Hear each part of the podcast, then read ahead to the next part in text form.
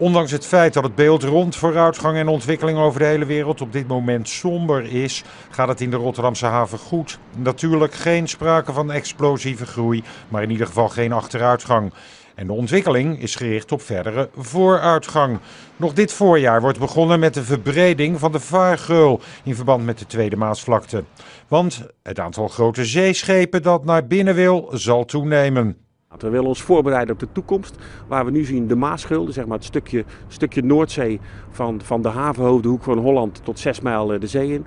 Nu 600 meter breed. We zien een toename aan, aan diep, met name diepere containerschepen. Eh, die kunnen elkaar daar nu niet ontmoeten. Nou, door die verbreding van die Maasgul, dat Rijkswaterstaat voor ons gaat doen, gaan ze april mee beginnen. In juli klaar kunnen we de haven nog efficiënter maken dan ze al is.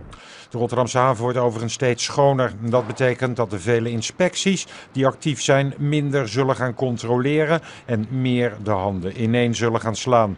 Ja, we gaan niet eh, controleren om het controleren. We gaan steeds meer samenwerken met andere inspectiediensten en we gaan steeds meer toezicht vooraf. Uh, zodat we de, de goed presteerders wat meer met rust laten en de slecht presteerders maken we wat lastiger. En dan de expansiedrift van de stad. Bekend was al dat de havens in de Drechtsteden overgenomen zullen worden door Rotterdam. Sinds juli heeft de stad al het beheer, maar over niet al te lange tijd zullen ook alle grond en de kades gekocht gaan worden. De gesprekken zijn gaande. Er zijn er wat issues op het gebied van geluid. Maar dat is echt een, een havenbedrijf Rotterdam versus gemeente Dordrechtzaar. Als havenmeesterorganisatie zijn we sinds 1 eh, juli actief in uh, Dordrecht, Zwijndrecht en, uh, en Papendrecht. En ook dat gaat goed. Het lijkt alsof de wereldwijde crisis aan Rotterdam voorbij gaat, althans de Rotterdamse haven.